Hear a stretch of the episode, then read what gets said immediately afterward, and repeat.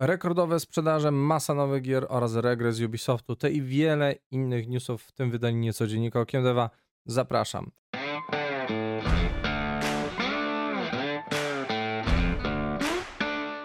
Witam serdecznie, nazywam się Grzegorz Wątroba, a to mój kanał Okiem Deva w dzisiejszym niecodzienniku, czyli nieregularnym podsumowaniu najświeższych wiadomości ze świata gier. Mamy sporo ciekawych informacji, więc zaczynamy. Po pierwsze, Overwatch porzuc porzuca tryb PvE. W najnowszej aktualizacji planów do Overwatch 2 twórcy gry poinformowali, że tytuł nie otrzyma trybu e, Player vs. Environment dla bohaterów. Dyrektor gry Aaron Keller i producent wykonawczy Jared News e, stwierdzili, że decyzja ta jest na dobre dla gry i jej komponentów wieloosobowego.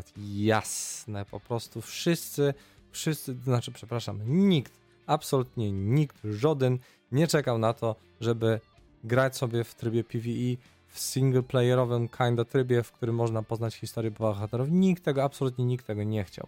Zobowiązaliśmy się zawsze priorytetowo traktować gry na żywo i wszystkich ich graczy oraz skupić się e, na rozwijaniu gry. Powiedział Keller, funkcja ta została pierwotnie zapowiedziana podczas BlizzConu 2019 jako część nowych trybów Overwatch 2. E, postacie miały być przystosowane do funkcji i e, otrzymać system postępu. Misje fabularne są nadal w drodze. E, w wywiadzie dla GameSpot Keller wyjaśnił, że zespół deweloperski zdał sobie sprawę, że ta funkcja nie może być zaimplementowana. E, podczas przygotowań do uruchomienia Overwatch 2 zrozumieliśmy, że e, nie da się zbudować tej innej gry. Nie mogliśmy zgromadzić całej tej zawartości, przez co wyglądało na co najmniej kilka najbliższych lat, aby ją dokończyć, a robiąc to coraz bardziej oddalalibyśmy zasoby od ludzi, którzy grali w naszą grę i dla wszystkich, którzy będą grać w Overwatch 2 po prostu nie chcą przyznać, że nie mają ludzi, którzy są w stanie zrobić im tego singla, bo ludzie po prostu odchodzą masowo z Blizzarda. Nie chcą tam pracować. Dyrektor gry kontynuuje, więc podjęliśmy decyzję pod koniec ubiegłego roku, że skoncentrujemy nasze e, wysiłki na bieżąco prowadzonej grze i wszystkie nasze wysiłki PvE na e, tym nowym łuku fabularnym uruchamianym w sezonie szóstym.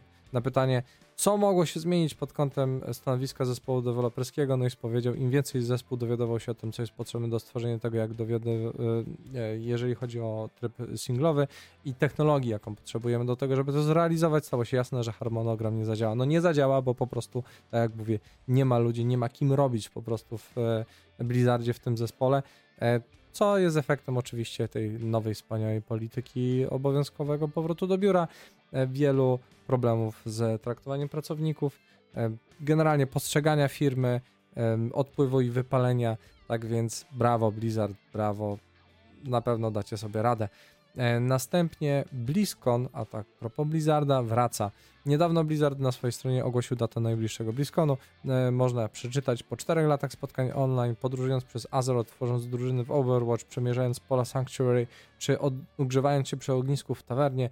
Nadszedł wreszcie czas na spotkanie twarzą w twarz. Z radością ogłaszamy, że BlizzCon powróci do Anaheim Convention Center 3-4 listopada tego roku.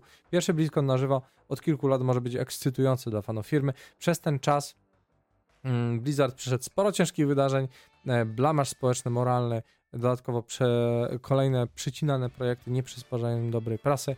Czy to jest właściwa pora na nową imprezę świętującą w zasadzie już cień po wielkiej firmie?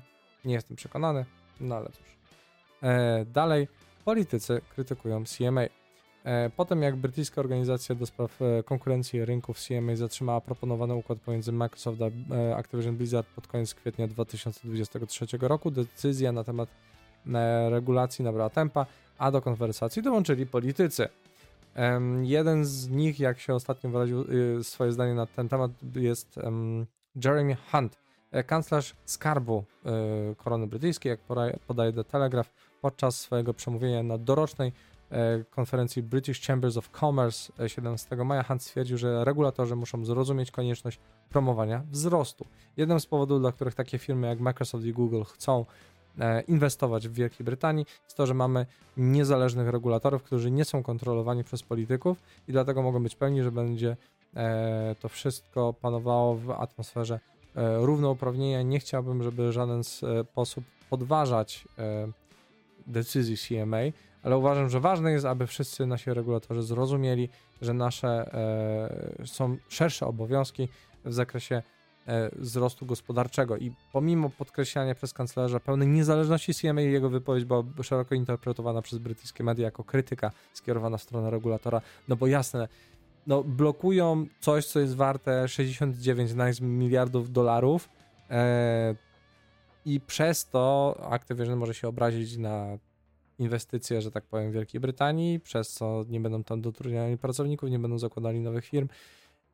No i troszeczkę ograniczam, powiedzmy, ruchomość brytyjskiej gospodarki, która aktualnie przez Brexit, no cóż, nie wiedzie jej się najlepiej, więc troszeczkę będzie presja na CMA, podejrzewam, żeby zmienili decyzję, co będzie dość zabawne. Bardzo jestem ciekaw, jak bardzo CMA będzie trzymał się swojego stanowiska w obliczu e, tego, że Unia Europejska już zatwierdziła mm, ten tą transakcję i zobaczymy, co zrobi e, FTC e, w Stanach. Poza tym masa innych krajów już i tak tych niezależnych, niezrzeszonych potwierdza jakby, że ta umowa jest ok.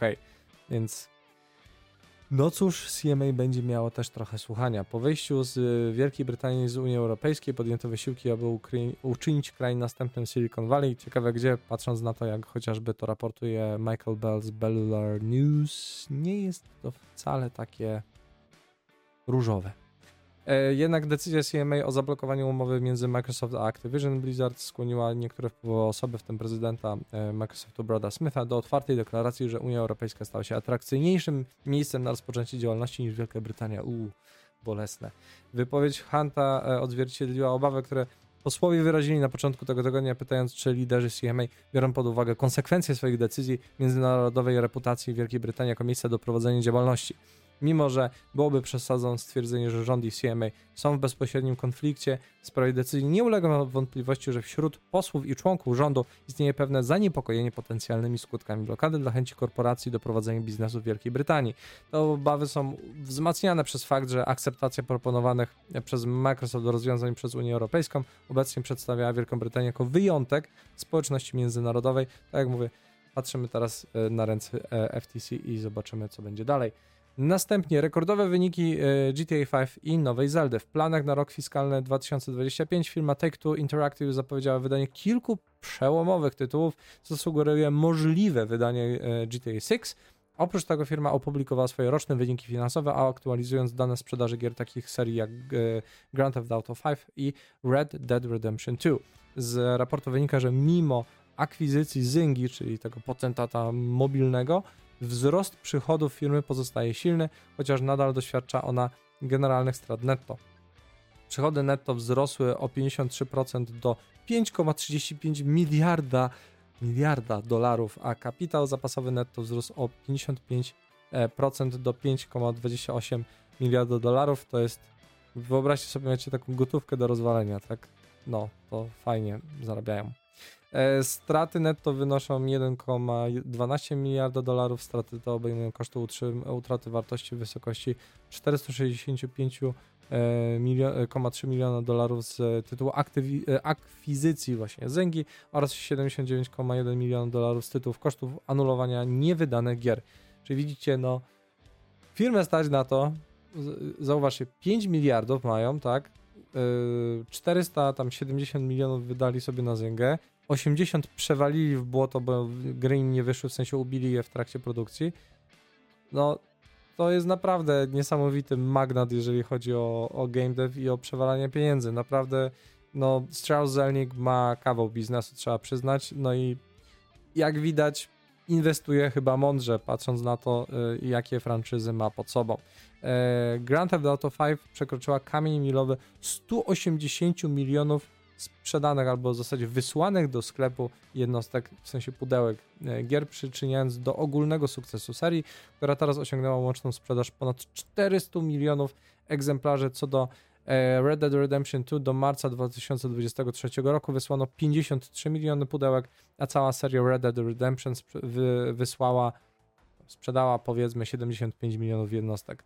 E, z kolei gra Nintendo The Legend of Zelda Tears of the Kingdom sprzedała 10 milionów kopii w zaledwie 3 dni.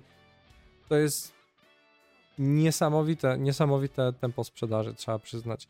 Stając się najszybciej sprzedającą się grą w historii serii Zelda, a ta seria ma sporo części. Produ producent serii Eiji Aonuma zasugerował, że Zelda mogłaby mieć własną przygodę w przyszłej grze, w sensie, no, bo wiecie jak jest, tak? Mamy Legend of Zelda, ale kierujemy Linkiem. Do tej pory Zeldą się nie dało za bardzo sterować, pomijając e, Hyrule Warriors, więc może czas na to, żeby faktycznie The Legends of Zelda była tam Zelda jako główną bohaterką. No, ciekawie. E, na pewno e, grałbym, bo tutaj nawet nie chodzi stricte o tą postać, którą sterujemy, tylko o cały świat, o mechaniki, o to jak gra jest projektowana, a pod tym kątem akurat e, jest niezrównana. Idziemy dalej. Take-Two tworzy masę nowych IP. Tutaj zauważcie, odgrzebujemy po prostu, rozwalamy na czynniki pierwsze raport finansowy Take-Two, z którego troszeczkę jeszcze wydłubiemy ciekawych informacji. I tutaj mianowicie w ciągu ostatnich kilku dni Take-Two Interactive podzieliło się szeregiem e, ogłoszeń właśnie co do e, sprzedaży, no i e, CEO Take-Two Charles Le Zelnick e, po prostu biznesowy nadczłowiek podczas serii e, pytań i odpowiedzi na temat zysków udostępnił dodatkowe szczegóły na temat przyszłych planów firmy. Zelnik ujawnił, że wydawca ma imponującą liczbę 48 nowych gier w planach. To jest naprawdę sporo i to w dość krótkim okresie czasu. Przepraszam, okres czasu. Znowu, wybaczcie. E, w najbliższym czasie zostaną one właśnie wydane i w bieżącym roku fiskalnym planują wydać 12 tytułów, czyli do marca 2024 roku, a w kolejnych dwóch latach dodatkowe 36 gier. No to tak praktycznie no, gra na miesiąc. To jest solidne tempo. E, Zelnik podkreślił również, że co najmniej 44% tych gier to zupełnie nowe IP, nowe serie, nowe zalążki, nowe w ogóle nie, nie będące częścią jakiejś franczyzy gry, więc e, spoko, e, dobrze, tak? Super, bardzo chętnie zagram w coś oryginalnego, a reszta, czyli 56% to są części znanych franczyz. A jakie franczyzy ma Take-Two? Red Dead Redemption, GTA i parę innych, więc no może być interesująco. Wszyscy mają nadzieję, że w końcu e, po prostu e, GTA szóstka zostanie wydana, także zobaczymy. Reszta to nowe odsłony istniejących franczyz, a to e, dotyczy też gier mobilnych, a właśnie mobilki, no bo zynga, konsol PC i licznych innych modeli biznesowych, czyli nastawmy się też na parę gier usług niestety w tym całym zestawieniu. Nie moglibyśmy być bardziej podekscytowani, na się nie dziwię, po prostu tyle pieniędzy wydrukują, że to jest masakra. Tytuły na rok fiskalny 2024 wyglądają dobrze, a jak już mówiłem, jesteśmy bardzo pewni nadchodzących lat. Uważaliśmy, że ważne jest, aby przekazać to z przejrzystością dzisiaj. No, po prostu Zelnik wypiął swoją umieśnioną klatę i pokazał po prostu, że e, biznes mu się wiedzie i będzie się wiódł dalej. Spoko, no mam nadzieję, że te gry przynajmniej po części będą strawne dla takiego powiedzmy singlowego gracza jak ja, a nie będą tylko mobilki, gry, usługi e, albo kontynuacje, e, nie wiem, jakiś bez wyrazu czy coś takiego, no ale stawiam, że takim zarzewiu tytułów jednak coś dostaniemy oryginalnego, na to liczę. I jeszcze przy okazji e, tej, kto się troszeczkę podrażniło tutaj e, z graczami, e, w nowym wywiadzie dla GameIndustry.biz CEO e, właśnie firmy, z Charles Zelnick omówił wyniki, e, podzielił się wyglądami na temat planów, no to już mówiłem wcześniej e, i po niedawnym ogłoszeniu e, celu wygenerowania, słuchajcie, 8 miliardów dolarów w roku finansowym 2025, który rozpoczyna się w kwietniu 2024 roku, poprzez wydaniu kilku przełomowych tytułów, pojawiły się spekulacje, że Take-Two mogło zasugerować potencjalne wprowadzenie na rynek bardzo oczekiwanego właśnie GTA 6 już w 2024 roku. Zalnik jednak wyjaśnił, że raport Take-Two nie sugerował żadnych konkretnych premier e, gier takich jak GTA 6, mówiąc o przewidywanej dobrej kondycji finansowej w roku 2025. Wyjaśnił, e, że oświadczenie to odzwierciedla głównie zaufanie firmy do portfolio, w które inwestowali przez lata. Nie mówimy o konkretnych tytułach, wierzymy, w, e, że jest bardzo realne, ale jak wiesz, rzadko mówimy o przyszłych e, latach tak bardzo do przodu, to odzwierciedlenie po prostu portfolio, w które inwestowaliśmy i e, zaczynamy to widzieć w roku fiskalnym 24, a potem w 25 i w nich, w tychże latach spodziewamy się e, wielkich sukcesów. W innym miejscu wywiadu szef Take-Two potwierdził, że firma nadal zobowiązana do wsparcia Switcha będzie produkowała e, kolejne elementy swoich franczyz, mimo że planowana wersja e, gry Midnight Suns od Firaxis została anulowana. Czyli no, podejrzewam, że to jest tak, że no, Take-Two ma zobowiązania wydawać też gry na Switcha, tam gdzie to nie jest jakby wydajne finansowo, a powiedzmy ta gra pewnie nie sprzedałaby się tak dobrze, bo generalnie XCOMy nie sprzedają się super dobrze, pomijając Sparks of Hope, bo to są gry z Mario, to jest zupełnie inny temat. Natomiast no, widać po prostu to, ile musieliby zainwestować w optymalizację gry na Switcha, przekroczyło ich możliwości i stwierdzili, że jeżeli coś, to już wolą zapłacić karę niż zapłacić za development. Okay. no stać ich po prostu na też e, ubijanie projektów i popełnianie błędów. Cóż, jeszcze dodatkowo na pytanie o potencjalne ulepszenia konsoli PS5 i Xbox Series, czyli te wersje Pro, e, jak e, poprzednie mid-geny e, w przypadku Xbox One X i PlayStation 4 Pro wpłynęły na biznes Take-Two. Zelnik wyraził swoje przekonanie, że ulepszone wersje są prawdopodobne, ale nie będą miały znacznego wpływu na jego biznes, no bo po prostu to będzie więcej jednostek do opchnięcia do, do wydania gier, więc Cóż, no Take-Two bardzo mocno wchodzi w e, kolejne e, lata swojego developmentu, więc e, no mam nadzieję, że któreś przynajmniej z tych wielu gier, które będą wydawali, będą faktycznie jakościowe. Następnie nadchodzi PlayStation Showcase. Plotki krążyły od tygodnia na temat daty następnego PlayStation Showcase. Teraz fani otrzymali odpowiedź. Sony ogłosiło, że następne PlayStation Showcase odbędzie się w środę 24 maja o 22 czasu polskiego. To e, już patrząc na te newsy, e, chwilkę, to jest news 17, czyli jutro i jutro też będę robił streama e, z e, właśnie PlayStation Showcase. E, także zapraszam o 10 wieczór. Zobaczymy, jeżeli będziecie mieli na to siły. Zapraszam, jeżeli się wszystko uda, bo nie wiem, czy nie mam jakichś planów. A jeżeli nie, to będziecie mieć raport na dzień następny. W najgorszym wypadku, także tak czy inaczej zapraszam. E, w przeciwieństwie do programów State of Play, które koncentrują się na wybranych tytułach, wydarzenia PlayStation Showcase są dłuższe, zawierają więcej informacji o nadchodzących grach na PlayStation 5. Fajnie, czyli będzie co komentować. E, występ potrwa nieco ponad godzinę, skupiając się na grach na PlayStation 5 i PSVR 2, które tworzone są przez czołowe studio na całym świecie, powiedział Sony w ogłoszeniu. E, spodziewajcie się zapowiedzi kilku nowych twórczości od PlayStation Studios. No, mam, nadzieję, że nie wybili wszystkich małych studiów, które wymyślą coś oryginalnego dla Playaka, a także oczarowujących gier od naszych partnerów z sektora zewnętrznego i twórców indie. No właśnie to jest to, że mam wrażenie, że Sony częściej korzysta już zewnętrznie z indyków, żeby móc się pochwalić, że jednak wspierają młodszych, mniejszych twórców na platformach, a oni sami tylko inwestują w AAA. No cóż, niektóre gry mogą pojawić się podczas prezentacji serii takich jak chociażby no Final Fantasy XVI na pewno, no bo to jest zaraz przed premierą, więc trzeba jeszcze dobić powiedzmy marketingowo to wszystko. Atlas Fallen szykuje się jako też e, ciekawy tytuł. Mam nadzieję, że będą kolejne zapowiedzi tej, tego remake'u Finala 7, być może Twisted Metal. No liczę na to, że coś z tego skapnie. No były też plotki o Metal Gear Solid, w sensie o remake'u trzeciej części, którą o, zagrałbym, bardzo bym zagrał. Tak więc Szykuje się ciekawe wydarzenie. Mam nadzieję, że będzie tam faktycznie coś wartościowego. E, oczywiście e, wszystko będzie to transmitowane na Twitchu i YouTubie. I tutaj będziemy mieli jeszcze co? Tak jak mówiłem, zapraszam 24 maja. Jeżeli nie zobaczycie ogłoszenia, że streamuję, to w takim razie będzie dzień później po prostu, kiedy na spokojnie sobie to obejrzę i skomentuję. Tak czy inaczej, możecie liczyć na PlayStation Showcase okiem deva.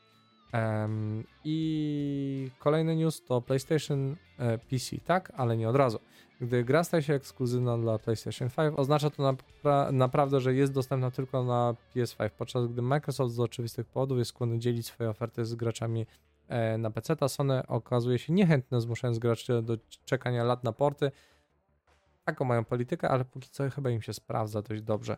Wygląda na to jednak, że ta strategia dobrze właśnie um, to odróżnienie się od e Xboxa tutaj e, wszystko im funkcjonuje prawidłowo, więc raczej nie zmienią tego modelu biznesowego i w wywiadzie dyrektor generalny Sony, e Sony Interactive Entertainment, czyli Jim Ryan, odrzucił pomysł, aby gry PS5 były dostępne na PC od pierwszego dnia, już pomijając kwestię złożoności developmentu i dodatkowych kosztów tego.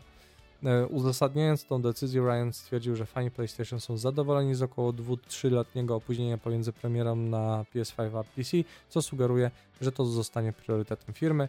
E, Ryan, e, rozmawiając z Famitsu, omówił temat ekskluzywności gier na PS5 i jak ten model wydawniczy ponownie sprawdza się dla Sony. Głównym zadaniem PlayStation Studios jest sprawienie, aby ludzie cieszyli się doświadczeniem gry na najnowszym PlayStation. Zwiększamy liczbę ekskluzywnych tytułów na PS5 i rozkładamy w czasie wydania wersji na PC.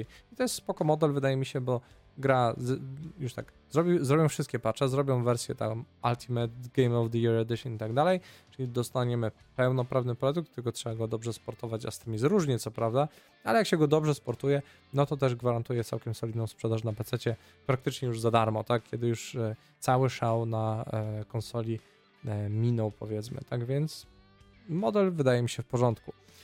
Co ciekawe, Ryan twierdzi, że gracze akceptują właśnie ten model, no no właśnie, Dodaję również, że Sony będzie nadal słuchać e, głosów fanów gier i wie, że fani gier na e, PC będą też chcieli grać w gry PlayStation, ale będą musieli po prostu poczekać. Wciąż e, grupą graczy, z którą konsultuje się Sony, są użytkownicy PlayStation, którzy niechętnie widzą, jak ich ekskluzywne tytuły są wydawane na inne platformy. To jest też element fanboystwa, ale z drugiej strony, no po to też kupujemy konsole właśnie dla tych tytułów, których nie ma na innych platformach E, I jak dla mnie, to jak mówię, ten model jest w porządku. E, trudno przewidzieć, e, która ekskluzywna gra na PS5 zostanie następnie wydana na PC, biorąc pod uwagę stan, w jakim zostało wydane The Last of Us Part 1. Prawdopodobnie lepiej, żeby Sony też nie spieszyło się właśnie z tym procesem portowania. I temat wydania, i stawiam, że tu będzie rant. Eee, regres Ubisoftu. Ubisoft dzisiaj podało swoje wyniki finansowe za pełny rok zakończony 31 e, marca, czyli rok finansowy 2022, przy czym szczególnie kapitał zapasowy wydaje się być gorszy niż e, zrewidowane prognozy Microsoftu.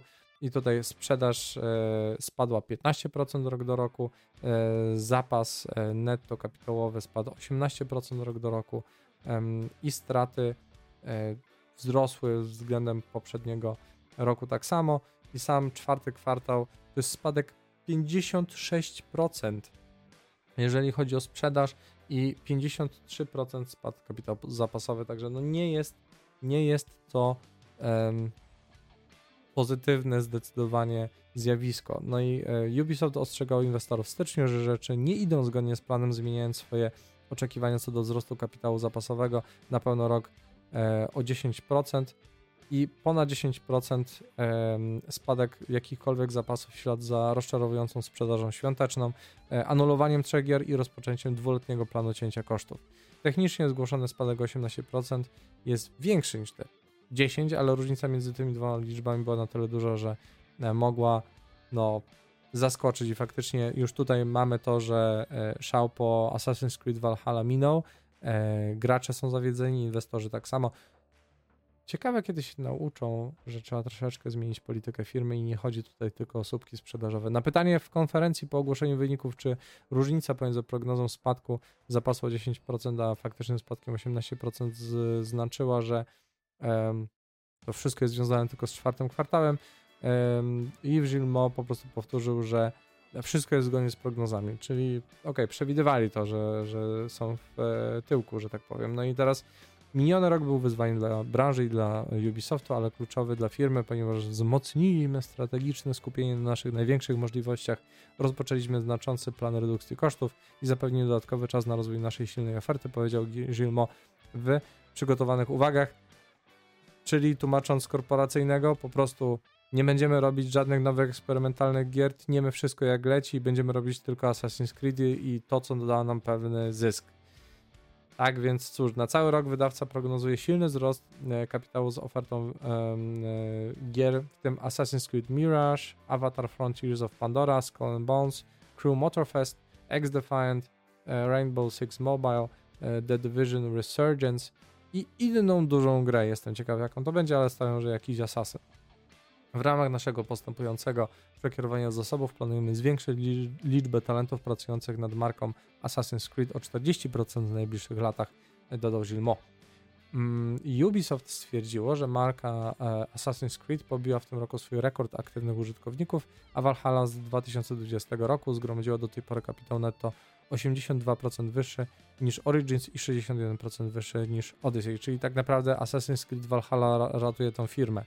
E, inne jasne punkty obejmowały wzrost czasu gry w Rainbow Six Siege, e, podczas gdy Division zwiększyło swój kapitał o 36% w ciągu pełnego roku, czyli no dalej zarabiają, no faktycznie, no Division 2 to jest całkiem fajna franczyza, takie taka trochę guma do rzucia, ale całkiem ładna strzelanina TPP.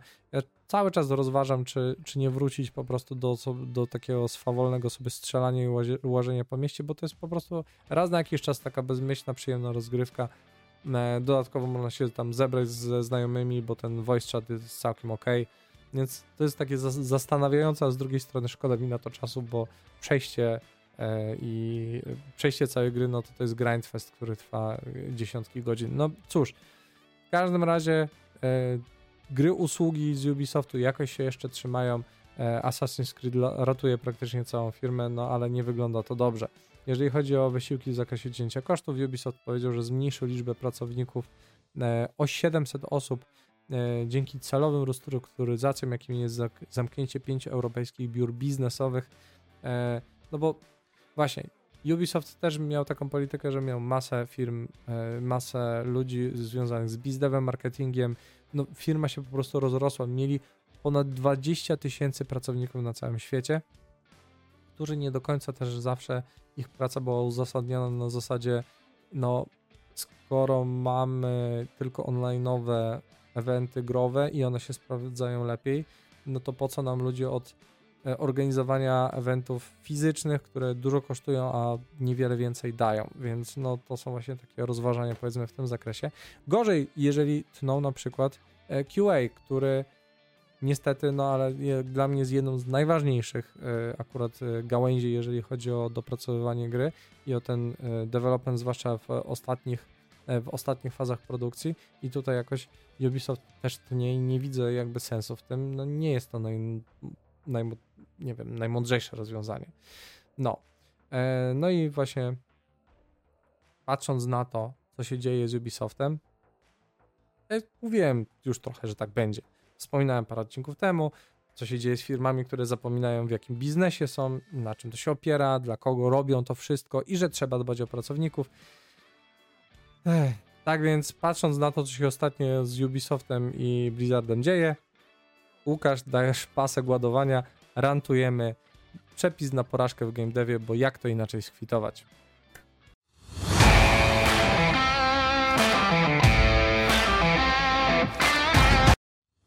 Tworzenie gier to bardzo skomplikowany proces oparty na ludziach, na ludziach, którzy tworzą gry i robią te gry dla innych ludzi, pasjonatów po jednej i po drugiej stronie. Jeżeli firma zapomina o tym, jak traktować swoją grupę odbiorców, dla której w pierwszej kolejności tworzy się produkt, to rozmywa się kierunek, w jakim należy pchać firmę i widać to doskonale właśnie e, na przykładzie reakcji jakiś czas temu na nie na 2019 chyba, gdzie zamiast usłyszeć pierwsze informacje o Diablo 4, dostali zapowiedź gry na telefon. To zresztą pamiętacie ten, ten odzew graczy, no nie był pozytywny. Duże firmy niestety skupiają się na tym, by słupki sprzedażowe się zgadzały, inwestują masę pieniędzy w marketing, zamiast dopracowywać gry i dbać o odpowiednie dofinansowanie działu, chociażby utrzymanie jakości, czyli QA, by gracze nie musieli już czekać nawet nie na day one patch, tylko na kolejne łatki, żeby w ogóle dało się grać w grę. No przecież to jest porąbane. Po drugie, duże firmy jak właśnie Ubisoft czy Activision Blizzard King zapominają, że należy dbać o pracowników, zapewnić im bezpieczne środowisko pracy, odpowiednie warunki finansowe, zadbać o dobrostan psychiczny. Inaczej po prostu pod presją, w, będąc gnojonym co chwila, no nie robi się dobrze pracy kreatywnej. Te firmy, mam wrażenie, jednak robią właśnie wszystko na odwrót. Mają ciągłe sprawy o molestowanie, poniżanie, wywieranie nadmiernej presji, chociażby wypowiedź Yvesa Gilmo e, parę miesięcy temu, utrudnianie życia przez przymusowy powrót do biura jak w Blizzardzie, czy masowe ubijanie jakichkolwiek pomysłów, które nie są drukarnią pieniędzy, zabijają w ludziach motywację, chęć rozwoju, czy szukanie nowych, interesujących rozwiązań dla, dla graczy. No, brawo. Po trzecie, mam wrażenie, że te firmy kompletnie zapomniały o swoich korzeniach o chwilach swojej największej chwały, gdzie obok dużych tytułów odznaczały się, e, które odznaczały się jakąś innowacyjnością, firma dbała o gracza, a przy okazji o dobrą sprzedaż, jako długotrwały efekt budowania tego zaufania pomiędzy graczem a daną produkcją. Teraz zarówno Activision, Sony e, i oczywiście Ubisoft zabijają kolejne drobne projekty, wycofują się z szukania nowych sposobów rozrywki, nawet jeżeli gra relatywnie do e, kosztów zarobiłaby dużo, ale w liczbach bezwzględnych byłby to ułamek dochodu z takich serii jak Call of Duty, Assassin's Creed czy God of War. Zauważcie, jakimi pochwałami Ubisoft był zasypywany, kiedy dostawaliśmy Child of Light, Rayman Legends czy Valiant Hearts. Tytuły te miały znacznie niższy budżet niż jakikolwiek AAA. Nie tylko koszt produkcji tych gier się zwrócił, ale te tytuły zarobiły bardzo dobre pieniądze względem zainwestowanych środków, tak? E, ponadto były to projekty, dzięki którym twórcy w ramach dużej firmy mogli odpocząć i zrobić coś innego niż kolejną grę usługę, co po latach było bardzo przez nich doceniane, ale ewidentnie ten czas się skończył. Po czwarte, tworzenie gier to proces kreatywny, który wymaga ciągłej innowacji, musi dostosowywać się do e, klienta, do zapotrzebowań klienta, ale też do potrzeb pracownika. Czas pandemii pokazał, że zespoły mogą być równie wydajne pracując na miejscu, jak i zdalnie. Um, i absolutnie rozumiem, że są chwile, e, są chwile, są miejsca, są etapy projektów, które naprawdę warto um, przeprowadzić osobiście, spotkać się y, jeden do jeden, czy w, w jakimś wąskim gronie, ale właśnie na żywo i sprawniej wymienić się pomysłami. Natomiast zabieranie ludziom możliwości elastycznej pracy to też ograniczanie na własne życzenie dostępu do wielu talentów na całym świecie.